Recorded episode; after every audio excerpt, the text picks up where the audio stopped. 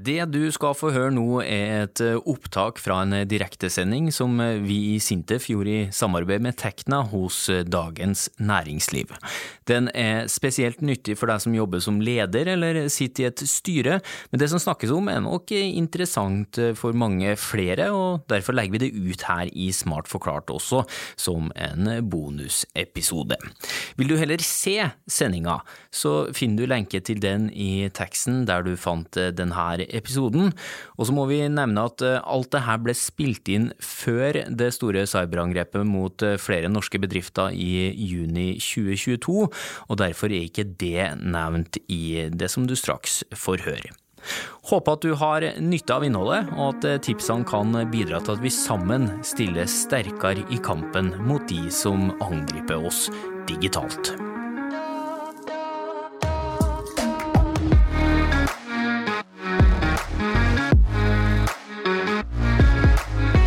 Hører podkasten Smart forklart med Aksel Faanes Persson. Velkommen tilbake til DN Studio og denne sendinga fra, ja, fra oss i Tekna og Sintef om spørsmålene om IT-sikkerhet som du kanskje ikke tør å stille i styrerommet. Norske virksomheter blir angrepet hver dag digitalt, og så er det jo ditt ansvar da, som leder eller styremedlem å sørge for at dette ikke rammer din bedrift. Så det er litt sånn at IT-sikkerhet kan være teknisk komplisert. Du er kanskje i et styremøte med tight agenda, dårlig tid, og da passer det seg kanskje ikke alltid å stille det som kan bli oppfatta som dumme spørsmål. Eh, men det finnes jo ikke dumme spørsmål, og noen av eh, svarene på noen av de spørsmålene som burde ha blitt stilt i norske styrerom, det skal du få om litt. Men eh, aller først, la oss høre fra Nasjonal sikkerhetsmyndighet og fungerende leder for Nasjonalt cybersikkerhetssenter, langt navn, Lene Bogen Kalen, hei. Hei. I de neste minuttene så skal du eh, prøve å gi oss et bilde av hvordan risikosituasjonen er i Norge akkurat nå. Hvordan er den? Det er jo en spent situasjon, selv om vi ikke har sett enkelthendelser som kan knyttes direkte til situasjonen i Ukraina. Men det er jo ikke uten grunn til at vi har gått ut og bedt norske selskaper om å være årvåkne. Og det er fordi vi har sett en tredobling av alvorlige hendelser mot norske selskaper og virksomheter de siste, siden 2019. Ja, har du eksempler på angrep som har vært i det siste? Ja, du hadde Norkart for kort tid siden. Eh, Norkart leverer IT-systemet for kart og eiendomsinformasjon. Der er det da over potensielt tre millioner personopplysninger på avveie. Altså informasjon om navn, adresse og fødselsnummer. Så det her vil jeg si er en stor hendelse, fordi det rammer såpass mange eh, enkeltpersoner. Eh, så hadde vi Helse Nord i april. Det begynner å bli litt tid tilbake. Men også der var det enheter i helseforetakets ambulanser som ble infisert av skadebare fra utsida som kunne gi tilgang til informasjon om ambulanseoppdrag. Eh, så er det klart Helse Nord selv har sagt at det ikke fikk konsekvenser for evnen til å utføre ambulanseoppdrag. Men det er klart det har store konsekvenser i form av å kartlegge omfang, og ikke minst å rydde opp i etterkant. Ja. Altså Er det en del sånn ting du kanskje ikke kan snakke om, eller? Ja. Nå tok jeg et par av de eksemplene som er allerede kjent. Så er det dessverre mange vi ikke snakker om åpent. Ofte ikke i øyeblikket, men vi, vi kommer tilbake til det noen ganger. I dialog med virksomhetene. For det er ofte veldig nyttig at de selv er åpne når de har blitt utsatt. Mm. Men uh, dere da, i NSM, altså, hvordan merker dere at det er ekstra trykk? Du har, du har sagt det har gått opp? Ja, altså vi har et 24-7 døgnbemannet operasjonssenter. Der er vi på vakt eh, hele året, og vi har merka et økt trykk. Det har vi siden ja, fra koronatiden egentlig, men så har det vært ganske jevnt økning. Og særlig nå med krigen i Ukraina. Så da får vi telefoner fra virksomheter som er rammet av hendelser. De som lurer på om de kan være rammet, de som trenger råd om hvordan de skal sikre seg. Eh, og der får vi også hver dag, altså jeg sitter i ledelsen, vi får hver morgen en oppdatering på hva som har skjedd det siste døgnet. Og vi må aktivt ta stilling til det. Hva, hva betyr dette for Norge, og hva, hvilke andre virksomheter må vi varsle ut ifra det vi vet. Mm. Hva er vanligste metoden de bruker når de angriper? Jeg skulle huske jeg slapp å si det, men phishing er fortsatt eh, veldig veldig vanlig. Altså, Som er? At man typisk sender en SMS eller eh, mail med en link og prøver å få noen til å klikke på den. Ja. Um, liksom på 90-tallet. Det, de gjelder fortsatt. Det er jo det. Ja. ikke sant? Dette har vi snakka om i mange år. Ja. Uh, og, men de er ofte godt skreddersydd, så det er ofte vanskeligere å, å unngå det nå. Da. Det er lettere å la seg lure, for å si det sånn. Og så er det andre, En annen type metode er angrepet sårbare tjenester på internett. Uh, virksomheter har masse tjenester som de har eksponert på internett. og Hvis ikke de er godt nok sikra, så er det lettere for en angriper å utnytte det. Og Der trenger du ofte bare én inngangsport fra utsiden for å klare å nå mer kritiske systemer enda lenger inne. Så det får potensielt store konsekvenser. Mm. Og så har jo løsepengeangrep vært eh, Det kommer til å bli omtalt mer her også. Og Én ting er jo at aktøren krypterer selve dataene og gjør det utilgjengelig. Eh, men de, i tillegg så stjeler informasjonen og truer med å publisere den. Og det skjer også. Det har vi hatt nå for kort tid siden. Noe som at en aktør truet med å publisere informasjon, og som gjør det. Men masse angrep hver dag. altså Hvor ofte lykkes, lykkes angriperne? Det har jeg ikke tall på, men jeg vil si for ofte. Ut ifra den økningen vi har sett nå, så, så, er det åpenbart at de lykkes. Veldig mye vi ikke hører om, med andre ord. Altså, eh, din oppfordring da, til alle som, eh, som, sitter i et eh, styrerom eller i ledelsen i norske bedrifter, hva er den? Ja, det handler om at vi begynner å få en erkjennelse. Dette er en trussel vi må ta på alvor. Men det er et lite knepp til som skal til. Det er å fikse det, gjøre noe med det. Så det er egentlig min oppfordring. Det burde være en selvfølge at dette var et tema på, på styrebord og styrerom nå i 2022. Så gå fra måte å vite til å ta aksjon, gjennomføre tiltak. Og så er du kanskje litt bedre forberedt hvis eh, eller når hendelsen rammer deg. Ja, for Hvor godt forberedt vil du si at vi er i Norge? Altså På et vanlig bedriftsnivå? Ja, Det spørsmålet får jeg ofte, og det handler egentlig om to ting. sånn som jeg ser det. På nasjonalt nivå så er det struktur, hvilke strukturer vi har. Vi har over tid bygget opp en del jeg vil kalle det verktøy i verktøykassa for å beskytte Norge. Vi har Nasjonalt cybersikkerhetssenter, vi har Cyberkrimsenteret i politiet. Vi har sektorvise responsmiljøer som sitter tett på de ulike bransjene og hjelper til. Og det her, dette er initiativer som har blitt gjennomført etter en plan, altså en klar strategi over tid. Så det, Der har vi et godt system. Men så er det klart, det er virksomhetene sjøl som er nødt til å gjøre, ta den største delen av jobben her. Og der varierer det nok veldig i hvor stor grad man har forberedt.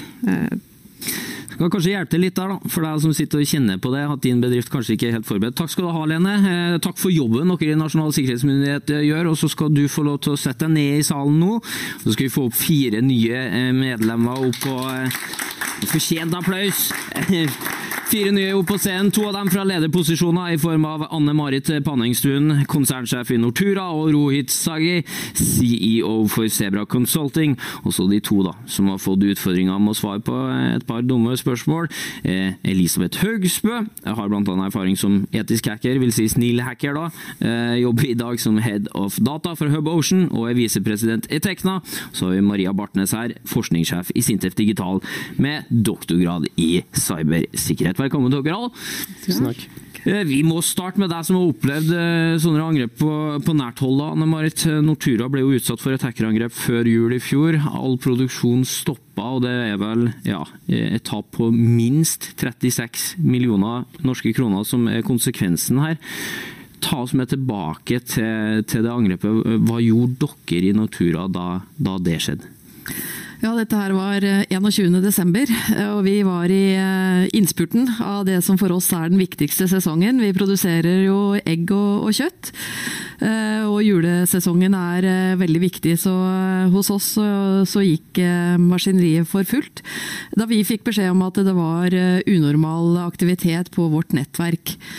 Eh, etter hvert så oppdaget vår sikkerhetsansvarlig også at det var i ferd med å bli lasta ut data fra vårt nettverk. Og en besluttsom sikkerhetsansvarlig tok da beslutningen om å koble oss fra internett. Eh, det, eh, ja, det holdt oss fra antagelig å bli kryptert. Men samtidig så har det jo store konsekvenser når man kobler seg fra internett.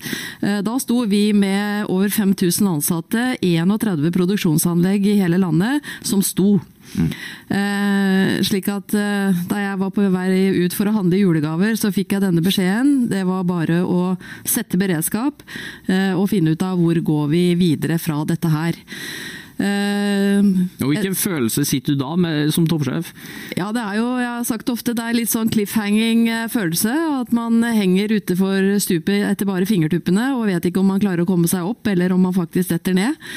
Eh, slik at det var det første. Å, komme seg på tørt land, vite hvor man sto. Om dette var et faktisk angrep, om vi kunne koble oss til igjen etter noen timer, eller om dette var et alvorlig angrep som tok lang tid å fikse.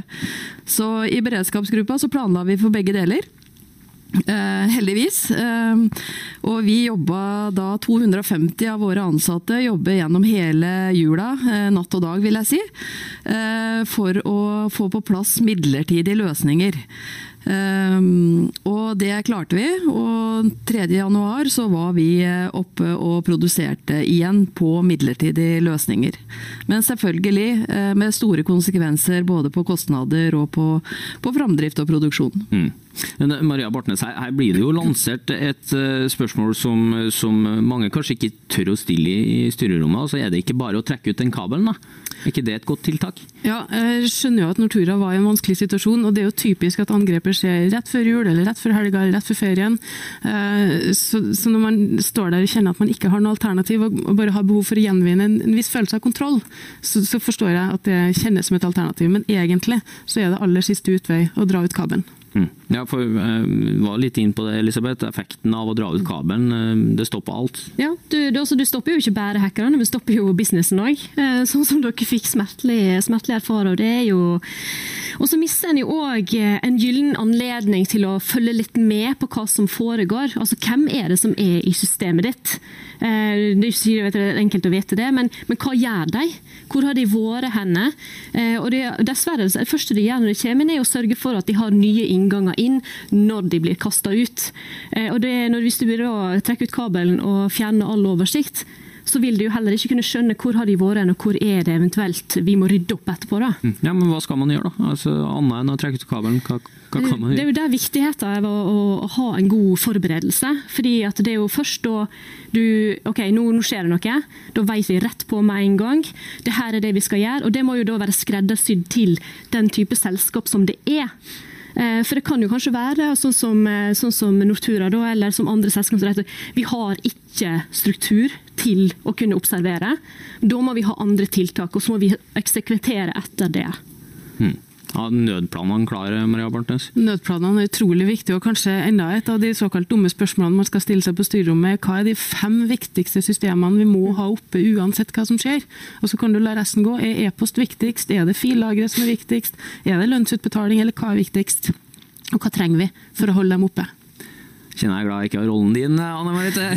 Rohit Sagi, eh, du bygger jo eh, det dere kaller et litt annerledes konsulentselskap, der dere hjelper ja, blant annet da, hjelper kunder med å få kontroll over kjernedataene sine. Og eh, for dem som syns du er et kjent ansikt, så er han en av våre beste toppdommere her til lands i fotball.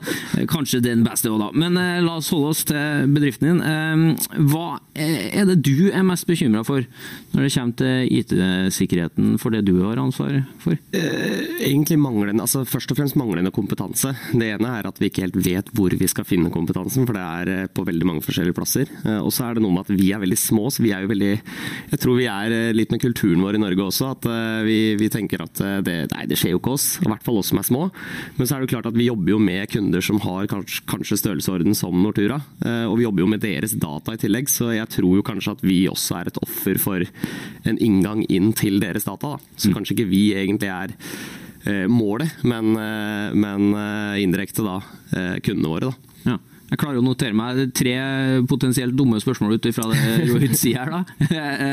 Er skummelt å kalle det dumme spørsmål, men uansett. da, altså, Det første var kompetanse. Altså, hvor går man for å, å, skaffe kompetanse? Ja, og Det finnes jo, som Lene var inne på tidligere, altså Nasjonal sikkerhetsmyndighet med sitt eh, norske cybersikkerhetssenter eh, er jo definitivt et sted man kan ringe og spørre. Og så føler man kanskje ikke at man er viktig nok til å ringe dit, det vet jeg ikke. og Da finnes det jo sikkerhetseksperter i mange andre selskap som står klar til å hjelpe. Og så er det kanskje viktig å være tydelig på bestillinga. altså vi, vi, starter på null. Hjelp oss opp til, til, til mm. grunnivået, på en måte. Ikke hjelp oss, Vi trenger ikke å bli best i klassen, men vi må i hvert fall opp hit. Mm.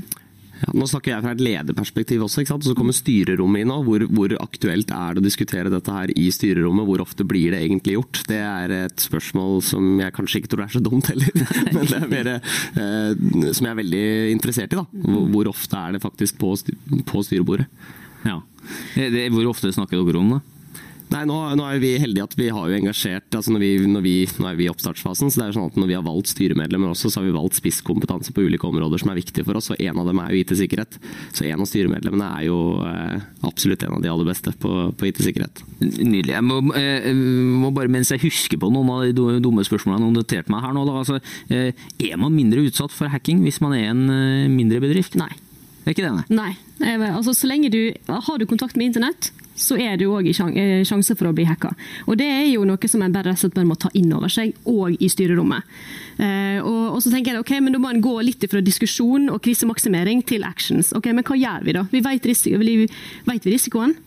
Eh, kjenner vi systemene våre? Litt sånn tilbake til det du sier. Hvordan skal du navigere, stoppe oppe, finne ut hva, er, hva, du må ha oppe, hva, kan du, hva, du, kan la gå. Hvis ikke du har gjort øvelsen med å faktisk se gjennom hvordan ser vi ut infrastrukturmessig, og hva er det som passer oss i forhold til eh, risikovurderinger, beredskap, øvelse, tiltak. Altså, må vi, ha, må vi, være best i klassen, eller må vi bare være det sånn at vi, vi har oversikt? Hvor, hvor, høyt opp når dere sitter og legger budsjett og sånn, hvor høyt opp kommer IT-sikkerhet på lista der? Nei, vi, vi, sier jo veldig pent at det skal være bærekraftige løsninger, og de skal være sikre og de skal overleve morgendagen. Men det er jo klart at eh, jeg tror eh, både vi og andre er, setter prioriteten altfor lavt. Eh, og gir det altfor lite spillerom, både økonomisk i forhold til budsjetter, men også i forhold til å hente ekstern hjelp. da. Fordi eh, det er jo et viktig område, men jeg er litt sånn redd for at eh, man ikke tar det for seriøst. Mm. Nei, det, det er også utfordringa med, med, sikkerhet. Sikkerhet blir aldri det viktigste for noe som helst selskap, annet enn kanskje noe sånn spesialistsikkerhetsselskap. Men sikkerhet er jo ikke det viktigste dere leverer. Dere leverer jo noe helt annet, og det er jo mm. funksjon. Det er jo det dere er mest opptatt av. Mm. Men det er klart, den dagen det smeller, så er kanskje sikkerhet skulle det ha vært litt viktigere i forkant. Og det er jo det som er vanskelig. For sikkerhet handler om å selge inn det at ikke noe skal skje. Mm. Og den er litt tung. Og det, Jeg har lyst til å plukke opp litt på det, for jeg kjente at jeg var litt sånn, eh, sikkerhet er ikke det viktigste. blir sånn, Ja, men er det egentlig det, da? Er det egentlig rett, det, da? Fordi at uh, du leverer en tjeneste, men hvis den tjenesten per definisjon ikke har innebygd sikkerhet fra bunn, fra første kodelinje, så vil den aldri kunne være helt sikker. Eh, det vil den aldri være uansett, men altså, du vil ikke få det nivået som den burde ha hatt. Mm. Eh, og Det er litt viktig, spesielt i forhold til de som leverer tjenester, de som bygger løsninger, infrastruktur og alt. Det må inn fra første kodelinje. Ja, og det her må man bare ta seg råd til. Ja, ja åpenbart. Ja, jeg har bare lyst til å eh, si litt sånn erfaringsmessig også. Vi hadde jo startet på dette her med kontinuitetsplaner og hva hvis det skjer. Eh, hadde, hadde de kontinuitetsplanene klare, mye. Startet på skyreisen, men det er nettopp som du sier, dette å ha Man har jo eksisterende systemer, og man er veldig fokusert på at det skal være funksjonelt og operativt osv. Og, og det å samtidig da tenke tenke og tenke sårbarhet i alle applikasjoner og alle funksjoner eh, i en eh, stor, komplisert eh, IT-struktur. Det skal man ikke undervurdere. Og jeg tenker at ja, vi hadde også trena, men å trene på en full lockdown, det er nesten ingen som gjør, tror jeg. For det er så altomfattende. Så, så, man må liksom tenke litt eh, Hva er det man kan få til også i en sånn situasjon? Mm. Men eh, du er jo eh, veldig tøff som står og forteller om det her. For det er jo mange som kunne ha tenkt seg å bare gjemme seg bort hvis man har blitt utsatt for et angrep og, og helst ikke snakke om det. Men du stå, står og forteller det nettopp fordi at andre skal lære og unngå å oppleve det samme som, som dere har opplevd. Og da er liksom, hva, hva, hva skulle du ønske at dere stilte dere av dumme spørsmål da, i forkant? Her, før det angrepet, som dere nå i ettertid har forstått at ah, det der burde vi jo selvfølgelig ha tenkt på? Mm. Ja, nei, for Det første, det er riktig som du sier, jeg står her fordi at uh, jeg uh, tenker at dette må alle skjønne kan ramme både stor og liten, og om du er avansert eller ikke avansert IT-messig, så kan dette, dette skje alle. Og så er jeg også her fordi at jeg er ganske stolt over hva, hvordan vi håndterte det. At vi faktisk klarte å produsere etter så, så kort tid. Men samtidig så er det jo en del ting ting man skulle ha ønska at man hadde starta på tidligere. Både det å få en sikkerhetskultur, jobbe med, med det, få opplæring, bevissthet rundt det her. Men ikke minst å ha bevissthet rundt IT-sikkerhet, og ikke bare funksjon og det operative. Og selvfølgelig enda lenger i forhold til kontinuitet. Da. At hvordan komme tilbake når uhellet først er skjedd sikkerhetskultur. Mm. Det syns jeg var et uh, godt ord. Uh, Maria, hvor viktig er det? Ja, Det er utrolig viktig. så Jeg har lyst til å berømme dere som, som på en måte står fram i offentligheten og forteller om både hva som skjedde og, og hva dere opplevde var vanskelig. For denne åpenhetskulturen må vi fortsette å utvikle i samfunnet som helhet.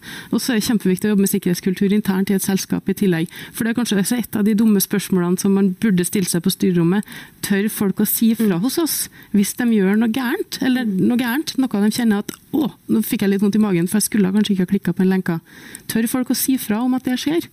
Og, og, i tillegg, hvor mye er det som skjer i selskapet som folk ikke tør å si fra om? Mm. Det er utrolig viktig å ha den åpenhetskulturen i selskapet og ikke gjøre den enkelte til en syndebukk. Vi er ikke noe på god vei her, da. Altså, hvilke andre dumme spørsmål eh, mener du burde ha blitt stilt i norske styrerom?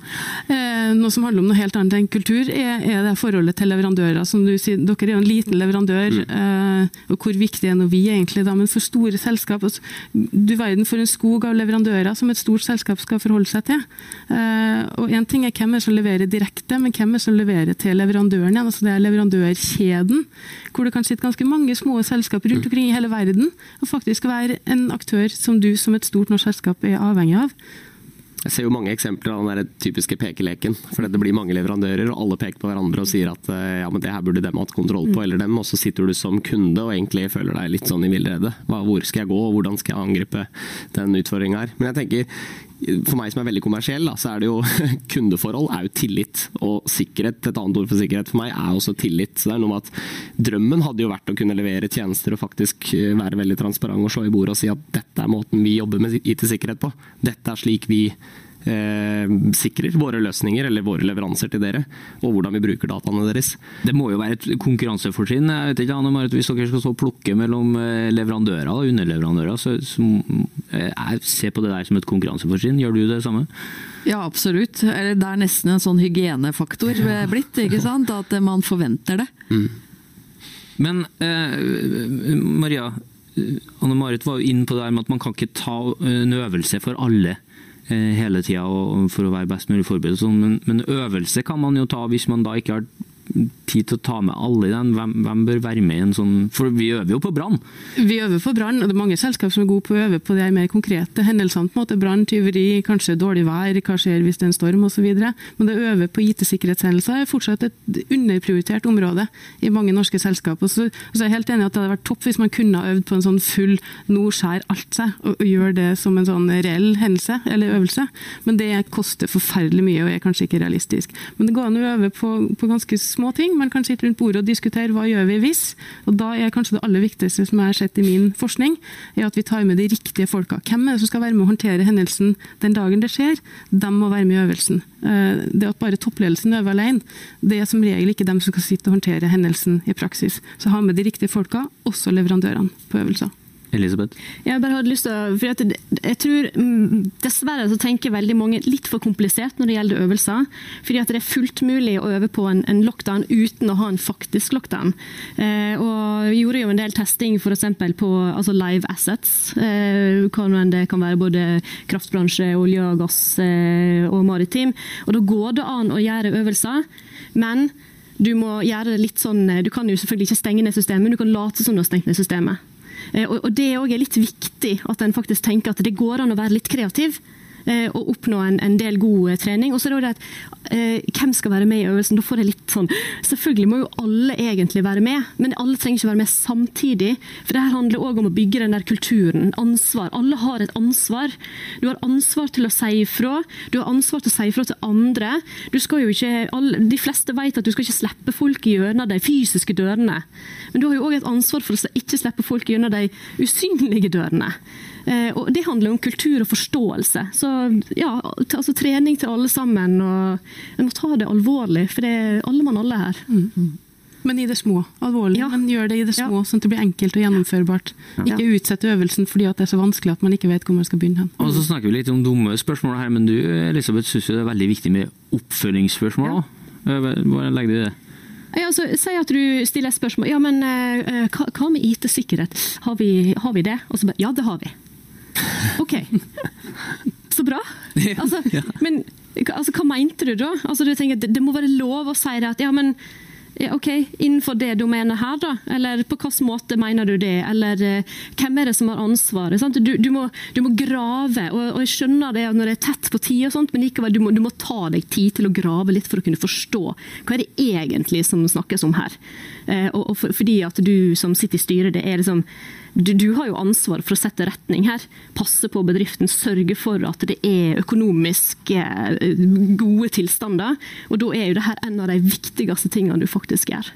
Ikke for å gjøre deg bekymra nå, Rohit, men du står jo her og tror jo at det ikke skjer et angrep på, på din bedrift nå, og la oss håpe det ikke gjør da, men altså, bare sånn at man kan se etter hintene. Hvordan vet man at man er under angrep? Og det er jo nesten umulig å vite. Ja. Fordi at det spørs jo hvordan det blir gjort. Eh, Men jeg har jo litt sånne små sånn early detection. og Det finnes mange måter du kan trene ansatte på å følge på dette. her, Men så har en jo også, kan du kjøpe tjenester som gjør dette. her. Når det er sagt, så er det ofte bare på det IT-sida. Sånn som Nortura. De har jo òg en operasjonsteknologiside. Mm. Og de to verdenene er ikke alltid veldig forenlige. Eh, Og Det er jo på en måte det skjæringspunktet som jeg jobber mye i.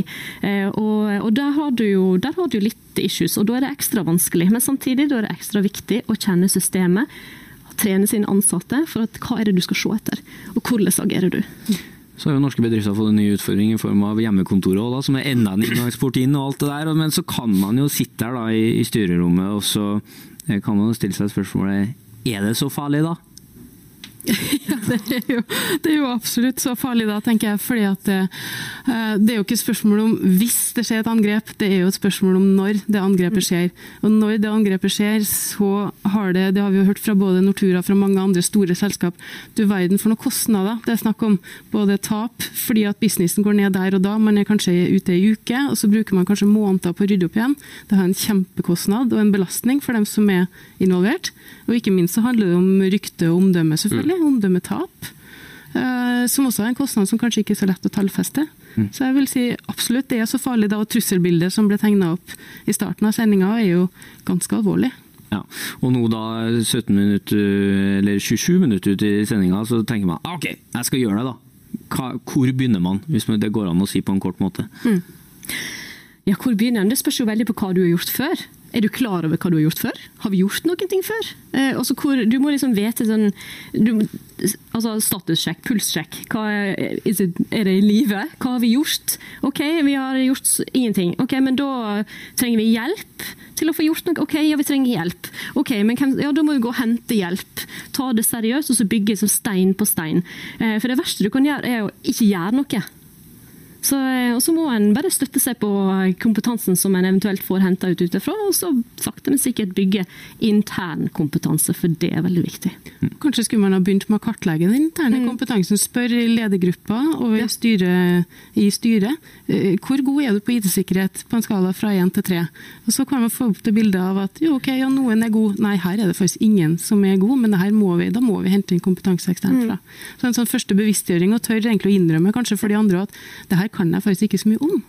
Å skape den kulturen. Ja, skape skap den kulturen. Ja. Ja, tør å si at det er ting man ikke kan. Du står der og tripper. Er du, er du klar for å springe hjem og, og starte det der?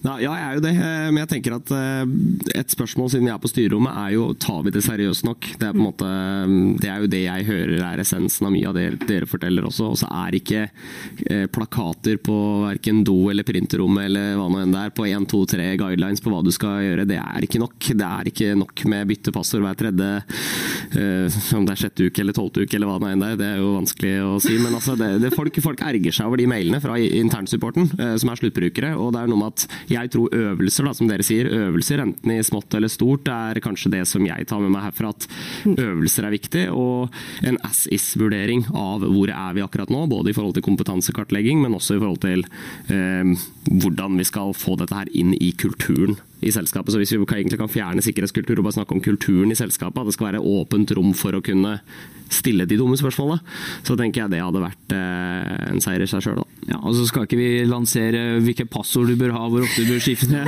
mange og alt det der, for da snakker Elisabeth i 40 nye minutter. Men eh, det kan vi ha en egen sending om. Men, men dra oss opp litt, Elisabeth. Det er litt mørkt, litt skummelt, litt uh, krisestemning. Um, kan du gi oss litt lys i form av en slags oppsummering? Ja, og så skal vi prøve å håpe at det lyset ikke er toget, da. Nei. Men uh, altså, det, det er liksom som jeg sa i stad ja, Beklager. det, Gi oss håp, da, istedenfor lys. Ja. Eh, men jeg, jeg må begynne. Det er mulig å ha en plan, og det er mulig å agere etter den planen. Uh, men det er klart en må være godt forberedt. Og så må en tenke at selv om du er godt forberedt, så er det ikke sikkert at det går sånn som du hadde tenkt. Og da må du være forberedt på at det ikke gikk sånn som du hadde tenkt. Og det er kanskje litt som den der trikken, at du lager, du lager én plan, og så holder du deg til den planen, og så funker ikke den planen. Så du må alltid ha en plan, eller et, i hvert fall et, et eh, innøvd bilde av hva skjer hvis planen ikke fungerte, og så må du ha en plan for det òg. Dessverre. Eh, og så må en tenke det at eh, jeg tror jeg må være litt mer tøff og si det at eh, det her forstår ikke jeg, så det her må jeg hente inn informasjon om. Og så må en jobbe seg sakte, men sikkert framover. Eh, og så er det her en, det her er en prosess. Maria, helt kort til slutt. Altså, hva vil du si til dem som er litt redd for å stille de der dumme spørsmålene eh, i styrerommet? Det finnes jo ikke dumme spørsmål, og så står jeg her og innser at vi sikkerhetseksperter vi, vi sier kanskje ofte at ja, men det her har vi jo snakka om i så mange år. Det skal vi kanskje slutte å si, for det finnes ingen dumme spørsmål, og det er kanskje akkurat de såkalte dumme spørsmålene som gjør at neste angrep ikke skjer. Det var det vi rakk om eh, den tematikken her i denne sendinga. og Det er jo et eh, utømmelig tema, så vi får bare komme tilbake med mer eh, senere. Eh, Tekna med Elisabeth og eh, Sintef med Maria står klar til å hjelpe deg hvis du har spørsmål du ønsker svar på. Rohit skal hjem og eh, fikse en kultur nå og, og sørge for at han aldri trenger å oppleve et angrep. Og så må vi takke Anne-Marit og Nortura for at dere er så åpne som dere er, og, og hjelpe oss andre å slippe å gå i, i lignende feller.